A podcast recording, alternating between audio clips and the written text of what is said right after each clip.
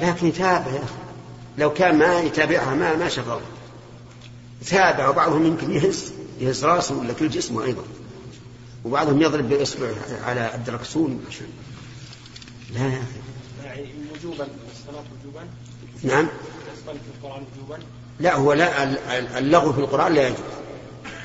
كما يصنع الكفار في قراءة النبي عليه الصلاة والسلام. أما الاستماع فهو على سبيل الاستحباب. لكن إذا كان لا أحد يعني ينصت ورأينا أننا لو فتحنا الراديو مثلا على القرآن أو المسجل على القرآن أن الناس يستثقلون القرآن. أحيانا بعض الناس يستثقل القرآن. فهنا لا لا نؤثمه. نغلق الصوت نعم. الله عنك. بعض الناس يصير في المسجد يرفع صوت القرآن ويشغل الناس اللي يصلون كلهم صحيح صحيح. لو بعضهم لو لو يطلب منه يقول أنا هذا كلام الله لأنك ما أبغى تسمعه. يعني أعوذ بالله. هذا قال النبي عليه الصلاة والسلام لأصحابه وهم يصلون يجري بعضهم على بعض قال لا يؤذين بعضكم بعضا بالقراءة. لا يؤذي. فجعل الرسول عليه الصلاة والسلام رفع الصوت أذية. يبلغ هذا الرجل. يا أخي لا ترفع صوتك. شوش على المصلين وعلى القارئين أيضا. لأن يعني بعض الناس يكون جهوري الصوت عالي الصوت وربما يكون حسن القراءة فيشغل أيضا. نعم. باب ما يستحب للعالم إذا سئل أي الناس أعلم فيكل العلم إلى الله. حدثنا عبد الله بن محمد قال حدثنا سفيان قال حدثنا هذه ترجمة لو قال الإنسان آه، مثلا استفتاك شخص وقلت اذهب إلى العلماء. قال لك أي أي العلماء؟ أي العلماء أعلم؟ فهنا تكل العلم إلى الله. وكان الإمام أحمد رحمه الله لا يعين عالما إذا أحال على العلماء. ما يقول اسأل فلان؟ يقول اسأل العلماء ولا يقول فلان. خوفا من الفتنة. ولكن إذا كان الإنسان لو لم يعين شخصا ذهب السائل إلى جاهل واستفتاه. فهل هنا الأولى أن يعين؟ نعم. الأولى أن يعين بل قد يجب أن يعين. ويذهب إلى فلان ممن يرى أنه أوثق العلماء علما وأمانة ودينا ويحيله عليه. وإلا فالأحسن يقال أن اذهب إلى العلماء. حتى لا تفتن من أحلت الناس عليه باسمه. نعم. حدث يعني حسب السائل إن كان عادي يعين حسب ما تطيب الحال. نعم. حدثنا عبد الله بن محمد قال حدثنا سفيان قال حدثنا عمرو قال أخبرني سعيد بن جبير قال قلت, قلت لابن عباس إن نوفل البكالي يزعم أن موسى ليس بموسى بني إسرائيل إنما هو موسى آخر. فقال موسى آخر. أو موسى آخر. نعم. القاعدة أنه كل اسم اشترط لعدم صرفه العلمية فإنه إذا لم يكن علما يصرف. إذا نقول موسى آخر. نعم. إنما ولهذا فرق بين أن أقول لك سأزورك بعد رمضان أو بعد رمضان. بين فرق ولا لا؟ بعد رمضان معناه تزوره في هذه في هذه السنة أربعة عشر. لا تخرج الحجة زرته أو إلى رمضان الثاني ما في معنى لكن بعد رمضان يمكن بعد عشرة رمضان. هنا. إنما هو موسى آخر ولهذا قال ابن مالك واصرفا ما نكر. من كل ما التعريف فيه أثر. اصرفا ما نكر من كل ما التعريف فيه أثر. نعم. فقال كذب عدو الله. حدثنا أبي بن كعب عن النبي صلى الله عليه وسلم أنه قال قام موسى النبي خطيبا في بني إسرائيل فسئل أي الناس أعلم؟ فقال أنا أعلم. فعتب الله عليه إذ لم يرد العلم إليه طيب قول قام موسى النبي خطيبا. هل نظن أن كلمة النبي من أبي أو من الرسول؟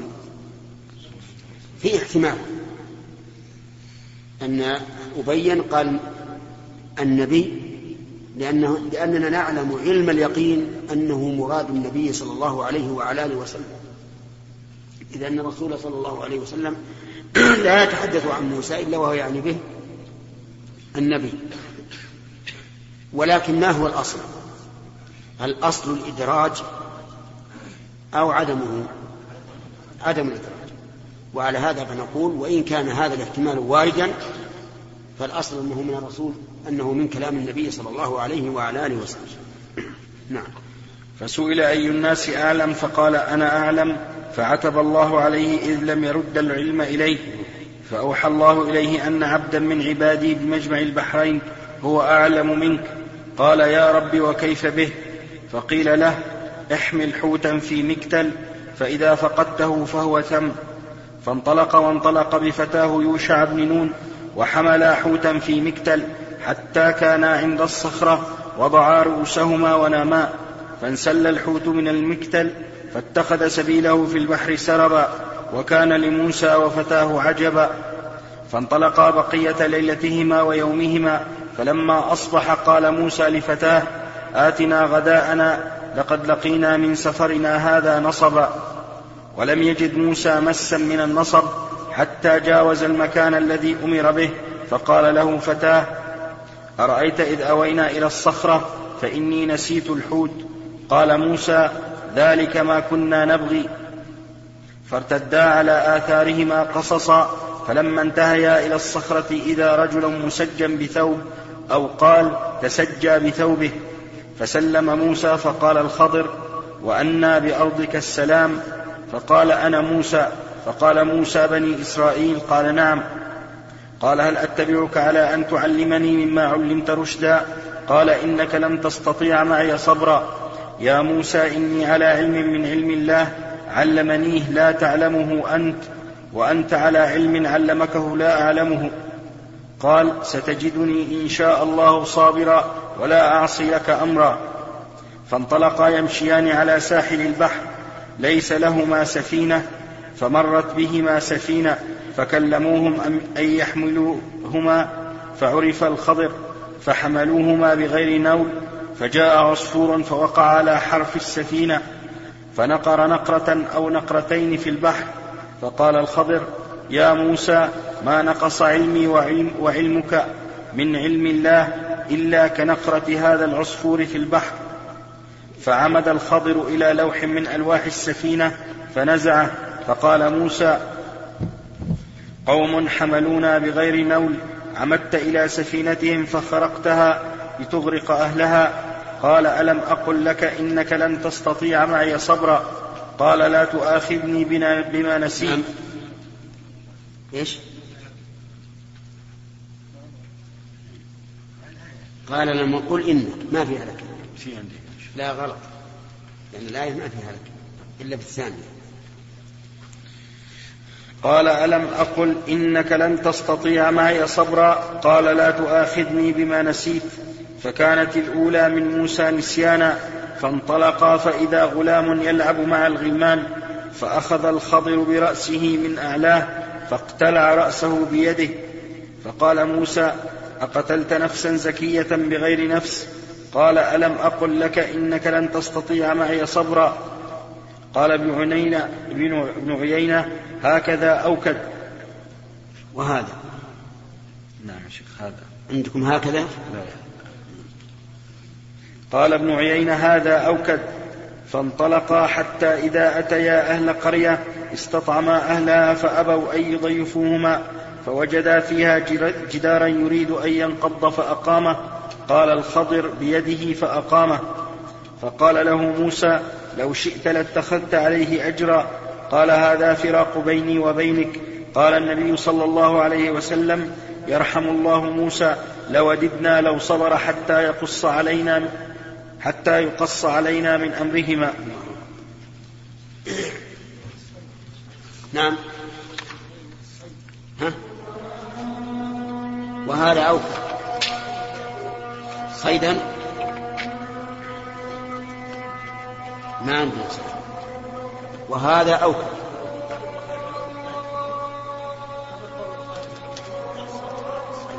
لا صبرا صبرا. الآية صبرا.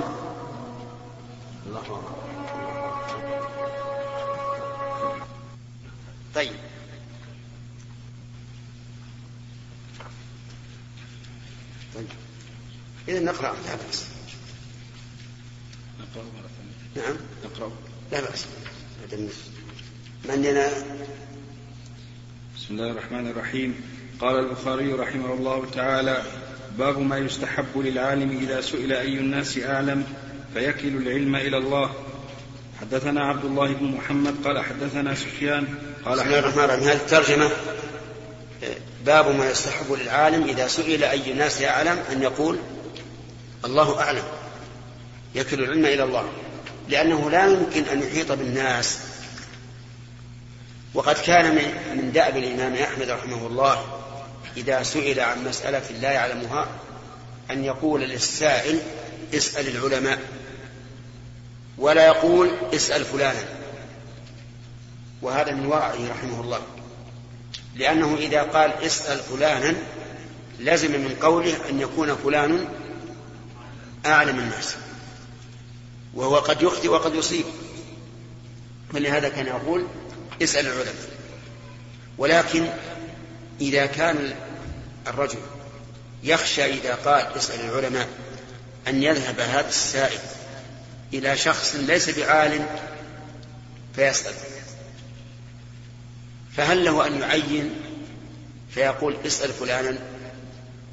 في هذه الحال يعين. إذا كثر المفتون بغير علم وخشي أن هذا السائل يسأل واحدا من هؤلاء الذين يفتون بغير علم فله أن يعين بل قد يتعين عليه أن يعين. نعم. حدثنا عبد الله بن محمد قال حدثنا سفيان قال حدثنا عمرو قال أخبرني سعيد بن جبير قال قلت ابن عباس إن نوفل البكالي يزعم أن موسى ليس بموسى بني إسرائيل إنما هو موسى آخر. فقال كذب عدو الله. حدثنا أبي بن كعب عن النبي صلى الله عليه وسلم أنه قال قام موسى النبي خطيبا في بني إسرائيل فسئل أي الناس أعلم؟ فقال أنا أعلم. فعتب الله عليه إذ لم يرد العلم إليه. فأوحى الله إليه أن كأن نوفل البكاري ادعى ذلك لأن لا يقال إن في الناس من هو أعلم من من نبي من أنبياء الله وهو الخضر. لأن الله آتى الخضر علما لم يكن يعلمه موسى وهذا من جهل نوفل. لأن المزية في خصلة من الخصال لا تقتضي التفضيل المطلق. يعني معنى قد يخص الإنسان بمزية لكن ذلك لا يقتضي أن, أن يكون له مزية مطلقة وفضل مطلق. فمثلا قال النبي عليه الصلاة والسلام في خيبر لو أعطين الراية غدا رجل رجلا يحب الله ورسوله ويحبه الله ورسوله فصار الناس يدوكون ويخوضون من هذا الرجل. فلما أصبحوا أتوا النبي صلى الله عليه وعلى آله وسلم كلهم يرجو أن يعطاه. فقال أين علي بن أبي طالب فقيل إنه يشتكي عينيه فأمر به فأتى. ثم بصق في عينيه فبرأ كأن لم يكن به وجع ثم أعطاه الراية. هل نقول إن هذا يدل على أن علي بن أبي طالب أفضل الصحابة؟ لا. نقول إذا فضلهم في شيء لم يلزم أن يكون له الفضل المطلق. هكذا أيضا كون الخضر فضل موسى بالعلم في هذه القضايا الثلاث لا يعني أن موسى أقل منه مرتبة ومنزلة. نعم. فأوحى الله إليه أن عبدا من عبادي بمجمع البحرين هو أعلم منك. قال يا رب شوف الشرح بمجمع البحرين.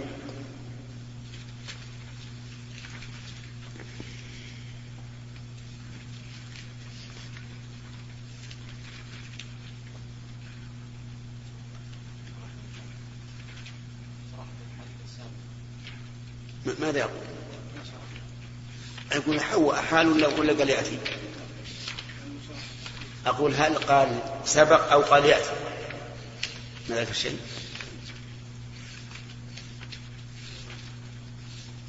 نعم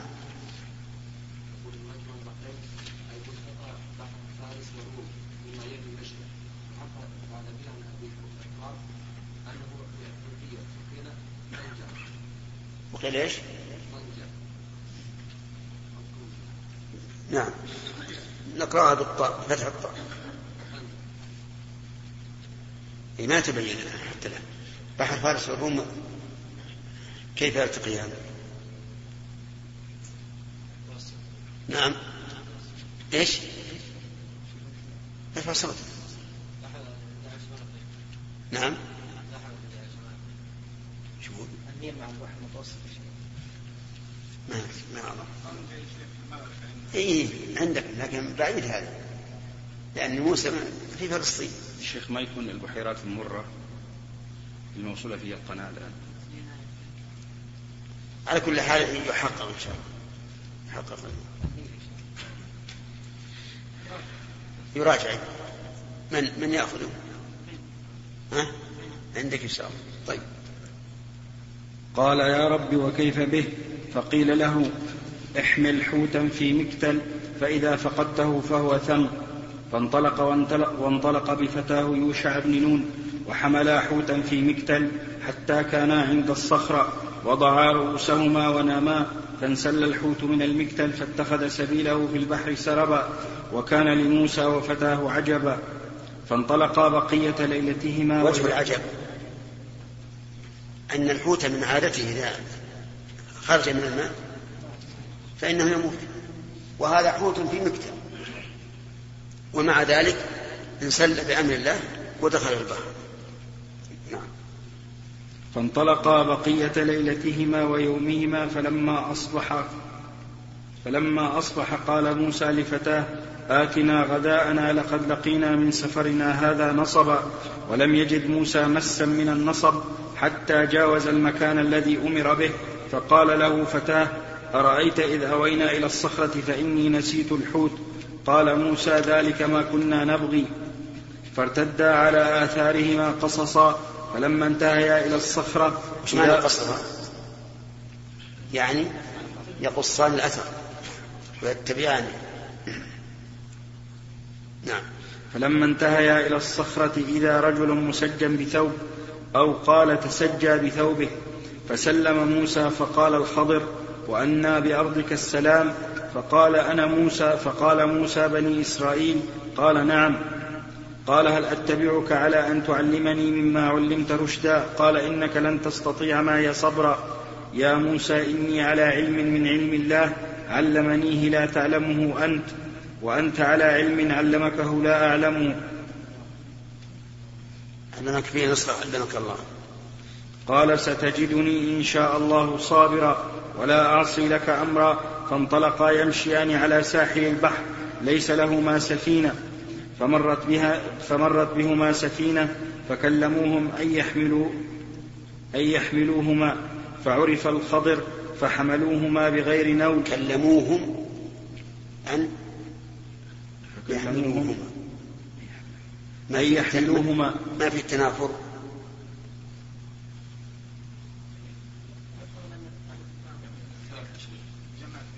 لا قل كلموهم أن يحملوهم. ما قال أن يحملوهم؟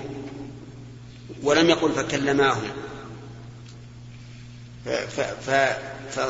فوجه ذلك أن قولهم كلموهم باعتبار الجمع الثلاثة موسى وفتاه والخضر. فأبوا يحملوهما يعني موسى والخضر وسقط ذكر الغلام أو الفتى لأنه تابع لموسى. هذا إن كان الحديث بهذا اللفظ محفوظا إن كان في رواية أخرى يمكن. نعم.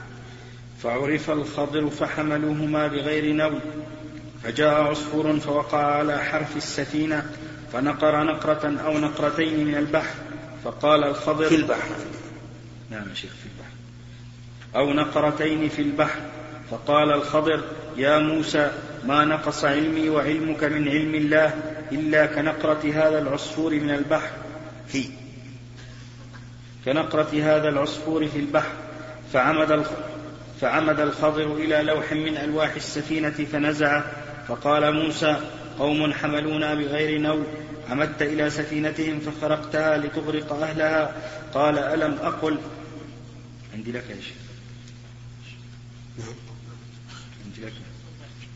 كيف؟ غير أهل. قال ألم أقل إنك لن تستطيع معي صبرا؟ قال لا تؤاخذني بما نسيت. هذا الحديث حذف منه شيء من الآية. ما هو؟ لقد جئت شيئا لقد جئت شيئا امرأ. يعني شيئا عظيما. ومنه قوله قوله هرقل لقد أم... نعم قول أبي سفيان.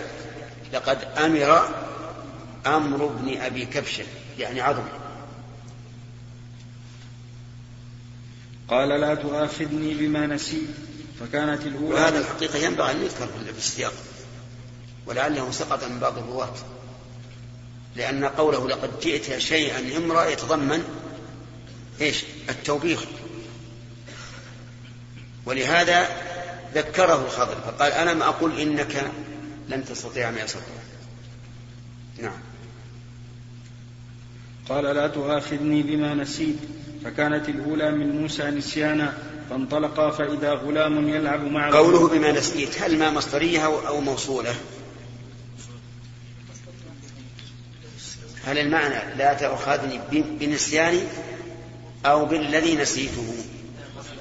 الأول أحسن أن تكون مصدرية. نعم.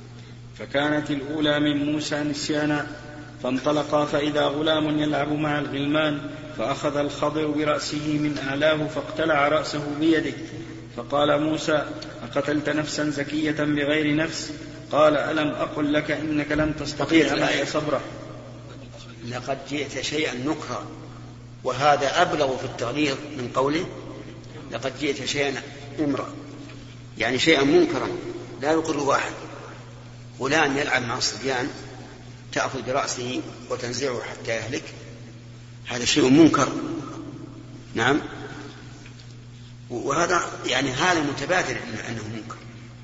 لأن النفس ذكية يعني ما ما علم منها جناية حتى تستحق أن تقتل. نعم. قال ألم أقل لك إنك لن تستطيع معي صبرا؟ قال ابن عيينة. عندي قال ابن عيينة وهذا أوكد في الأصل. قال ابن عيينة هذا أوكد. فانطلق. بس عندي صيدا يا شيخ. ها؟ صيدا وصبرا. هذا صبرا. صبرا عندي صيدا. نعم. قال ألم أقل لك عدل إنك عدل. لن تستطيع معي صبرا؟ قال ابن عيينة هذا أوكد. فانطلق. وجه كونه أوكد.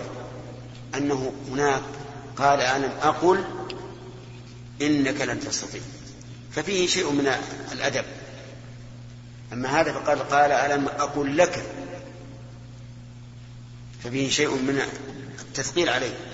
يعني ما قلت كلاما في الفضاء قلت كلاما موجها إليك. ألم أقل لك؟ إنك لن تستطيع ما صبرا وهذا أسلوب متبع حتى الآن. أول ما تنكر على الإنسان تقول ألم أقل كذا وكذا؟ ثم تقول له ألم أقل لك كذا وكذا. إشارة إلى أن إلى شدة التثقيل عليه. نعم. فانطلقا حتى إذا أتيا أهل قرية استطعما أهلها فأبوا أن يضيفوا يضيفوهما فوجدا فيها جدارا يريد أن ينقض فأقامه. قال الخضر بيده فأقامه. فقال له موسى هذه الأخيرة إحسان ولا إحسان يعني ظاهر الإحسان ما فيه إشكال. وقتل النفس وخرق السفينة ظاهره الإساءة. نعم. فقال له موسى لو شئت لاتخذت عليه أجرا قال هذا فراق بيني وبينك. سبحان الله ما أنكر. قال لو شئت لاتخذت عليه أجرا. لأنهم لم يضيفونا فلا يستحقون أن نحسن إليهم بإقامة الجدار. فلو شئت شوف هذا الأسلوب أسلوب أدبي في غاية الأدب والتطامن له. لو شئت لاتخذت عليه أجرا يعني ولا تلام لأن القوم لم لم يضيف لم يضيفونه هنا ما صبر الخضر. قال هذا فراق بيني وبينك. صبر عليه مرتين والثالثة لم يصبر نعم. قال النبي صلى الله عليه وسلم يرحم الله موسى لوددنا لو صبر حتى يقص علينا من أمرهما. يقص. حتى يقص. حتى يقص عندنا عندنا حتى يقص. حتى يقص علينا من أمرهما. من الذي يقص؟ الله عز وجل. في هذا الحديث دليل على أن الرسول عليه الصلاة والسلام يحب أن يعمل أن يعلم من أخبار من سبقه ولهذا قال يرحم الله موسى لوددنا لو صبر حتى يقص علينا من أمرهما. وهكذا كل إنسان يريد أن أن يكون له قدوة في من سبقه فإنه ينبغي له أن يتطلع إلى أخباره وأن يعرف أخباره. حتى يكون متبعا له على بصيرة. نعم.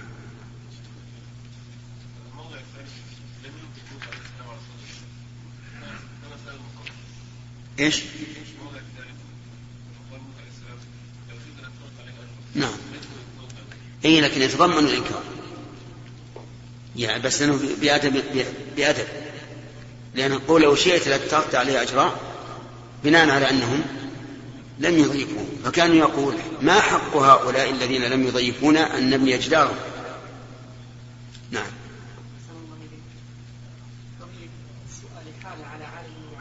نعم. كما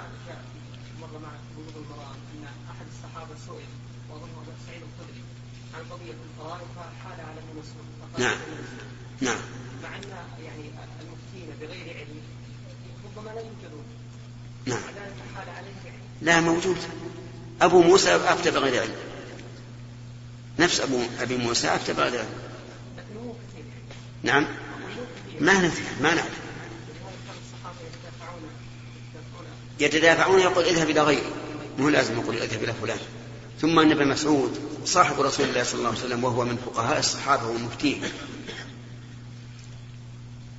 نعم قال في اخر القصة قال ان السفينه وكانت لمساكين يعملون في البحر فاردت وقال في الغلام فخشينا نعم وقال في الجدار فاراد ربه نعم ونسب في الفعل الأول اليه نعم والفعل الثالث نسبه إلى الجماعة. الخوف. والثالث. نعم. يعني. ما أعرف. الله أعلم هل هذا من باب اختلاف التعبير أو هناك فائدة ما ما ما السبب؟ نعم.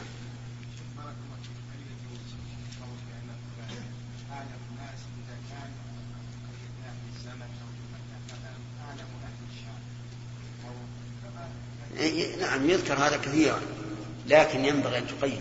هو أعلم الناس فيما أعلم أو فيما أرى أو ما أشبه ذلك. وكذلك الزمان أيضا. نعم.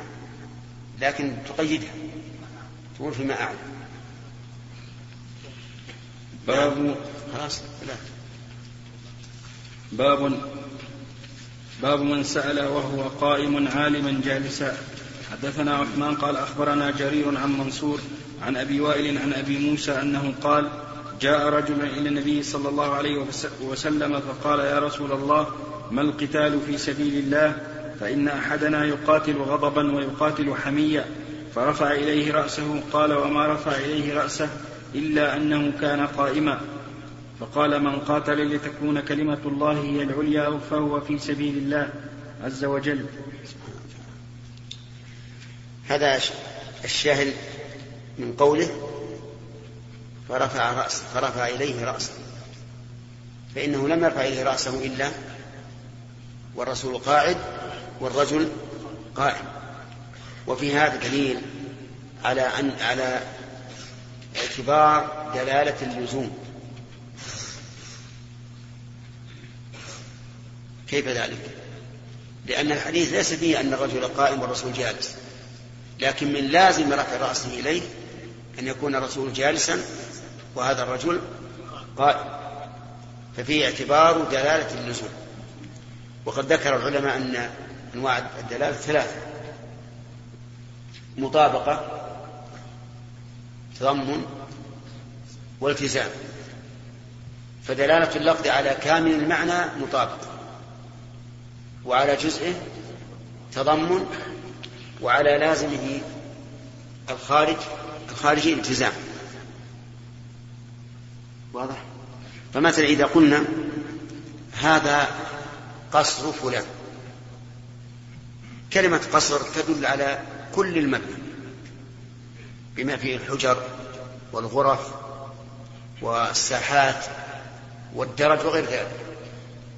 ودلالة هذا اللفظ على كل جزء من أجزاء البيت كدلالته على الحجرة وعلى الغرفة وعلى الساحة وعلى الدرجة إيش؟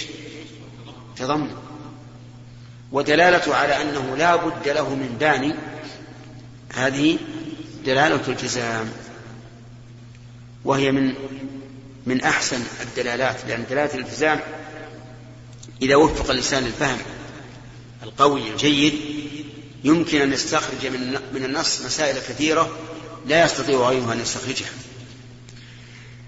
الخالق من أسماء الله. دلالته على الذات وحدها وعلى الخلق صفة الخلق وحدها وعلى أن على الذات والخلق. مطابق.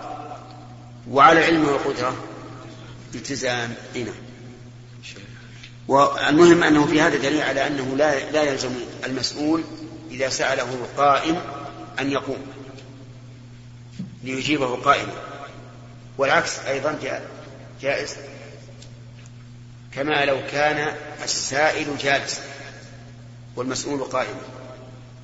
هل نقول إن هذا جائز؟ أو نقول إن فيه سوء أدب؟ أن تكون أنت أيها السائل جالسا والمسؤول قائما؟ نعم. قد يقال إن فيه سوء أدب. وأنه وأنك إذا سألت وأنت جالس وهو قائم ففيه عدم ففيه عدم إكرام المسؤول وفيه نوع إهانة له. نعم. إلا من عذر كما لو كان زمنا لا يستطيع أن يقوم. نعم. لكن يا شيخ طالب العلم يعني يقتدي بهذا الحديث أو بحديث جبريل. نعم. جلس بين يدي النبي صلى الله عليه وسلم وسأل. وهذا رجل يعني قد يكون لا هذا هذا هذا الجواز ما هو على هذا من السنة أن تسأل وأنت قائم والمسؤول جالس. هذا ليس من السنة لكنه جائز. نعم شرف.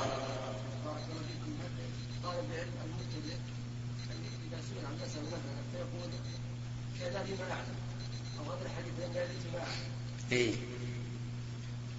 ما يم... إن كان هو طالب علم لا, لا يقول هكذا. هذا لا يقوله إلا رجل فتش وبحث ولم يجد. أما إنسان ما يعرف إلا أحاديث العمدة عمدة الأحكام. ثم يسأل عن أحاديث كثيرة ليست العمدة يقول ما أعلم أصلا ما عنده علمها.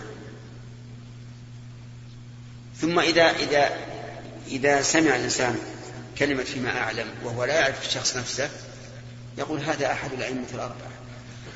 نعم؟ فهذه مشكلة إيهام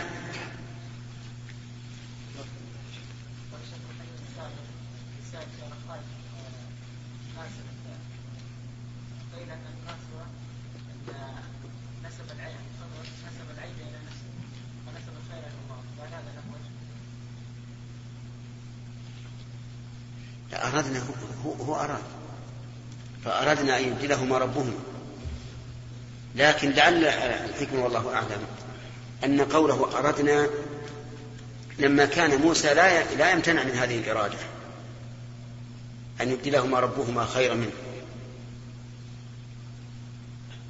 ف فإبدال الخير منه مراد للخضر ومراد لموسى لا شك. ولهذا قال فأردنا أن يبدلهما. وأما عيب السفينة. فمعلوم أن موسى لا يريد عيبه. وإنما الذي يريده هو الخضر لما لما عنده من العلم في في الغاية. فخشينا نقول فيها هنا كيف؟ اي والليلة. فإنه يخشى أن يرهق والديه طغيانا.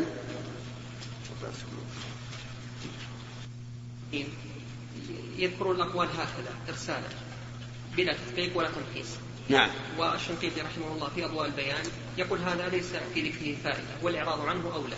نعم. لكني وجدت كلام للطاهر بن عاشور رحمه الله في كتاب التحرير والتنوير. نعم.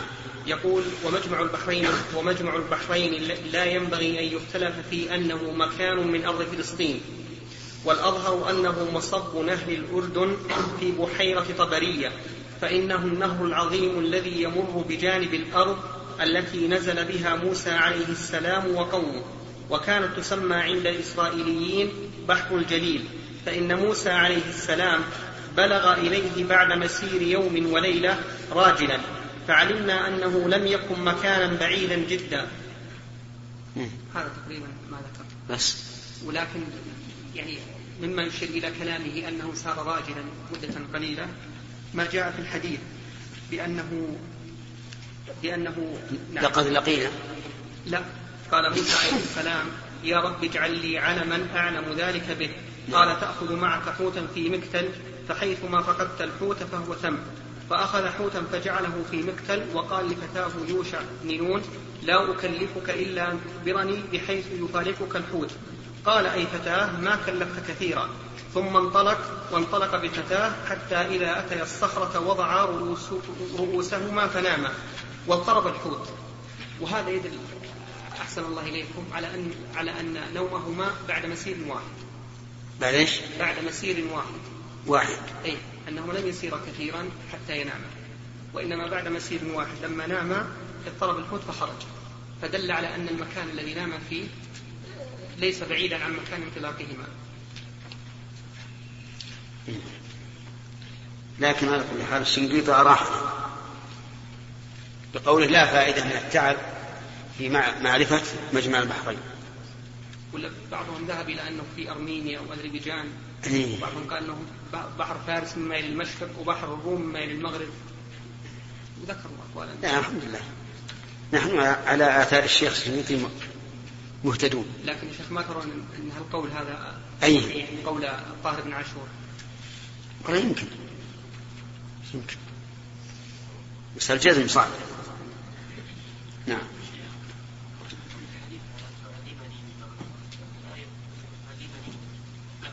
ما فيها يمكن. ما أدري قد يكون فيها قراءة. درجة التفسير.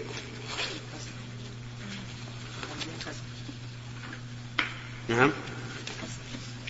إيه ما فيها يعقل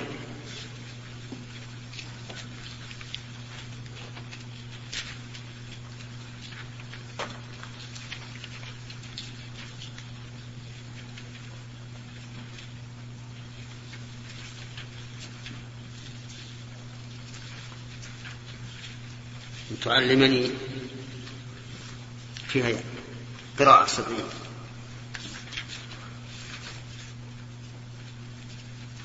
فيها أيضا رشدا. قال ذلك ما كنا نبغي بالياء قراءة أيضا سبعين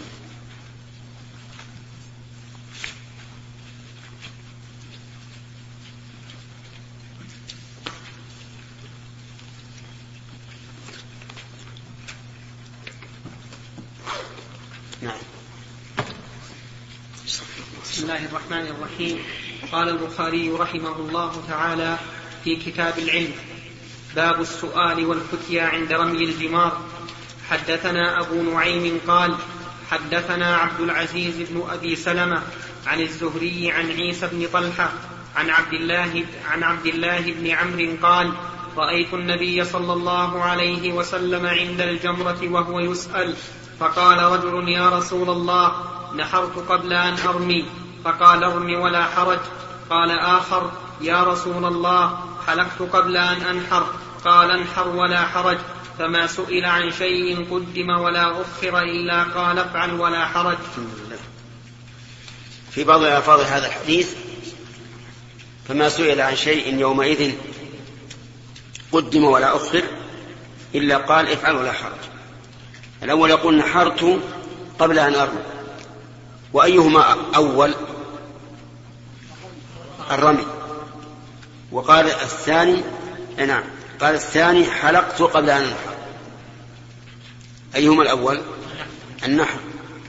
لقوله تعالى ولا تحلقوا رؤوسكم حتى يبلغ الهدي محلة.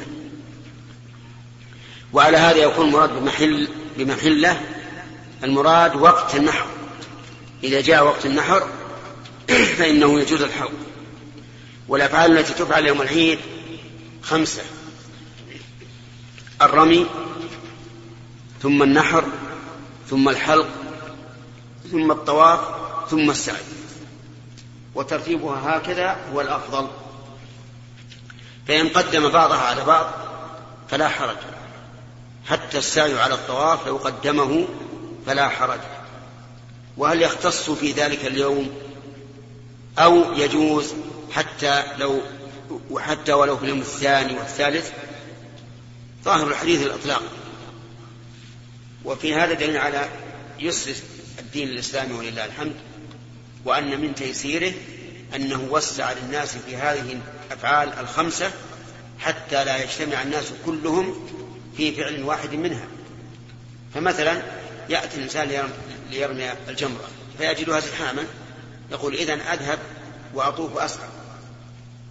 يأتي مثلا الطواف السعي يجد زحاما يقول أرجع. وأنحر مثلا. وما أشبه ذلك.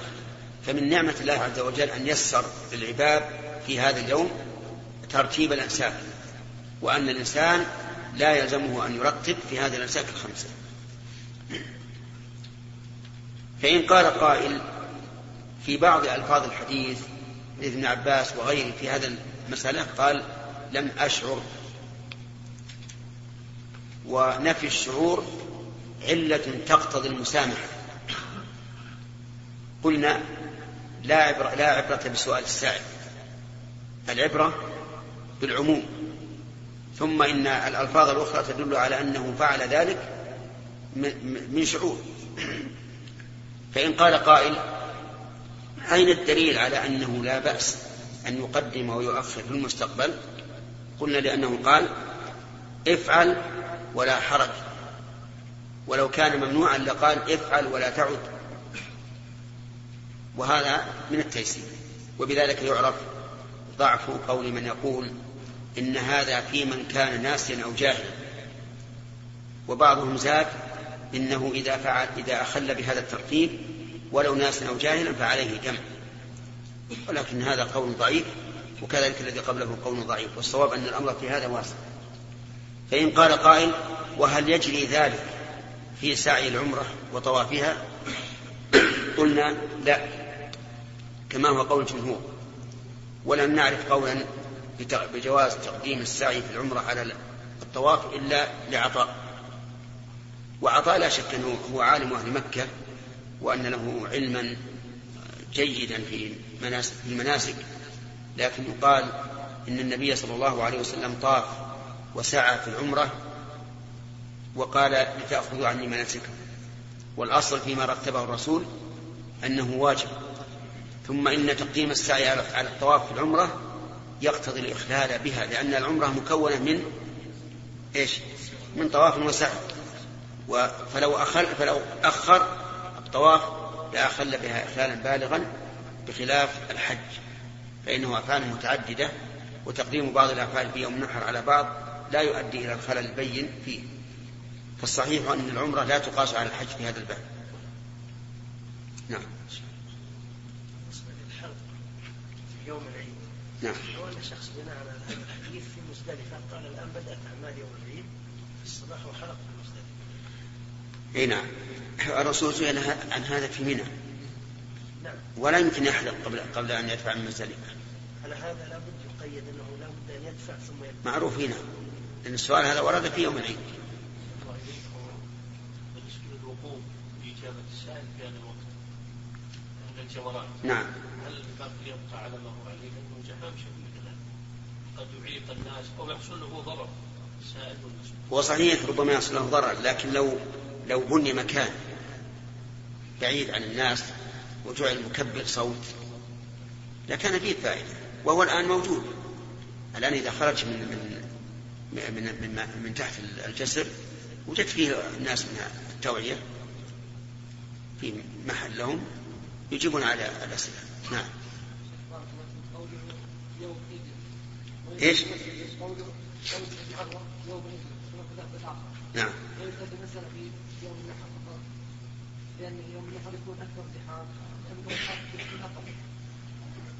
المعروف أنه لا فرق بين أيها الإخوة في ختام هذه المادة نسأل الله أن نلقاكم في لقاءات متجددة. مع تحيات. مؤسسة الاستقامة الإسلامية للإنتاج والتوزيع في عنيزة. شارع هلالة رقم الهاتف والناسخة الهاتفية.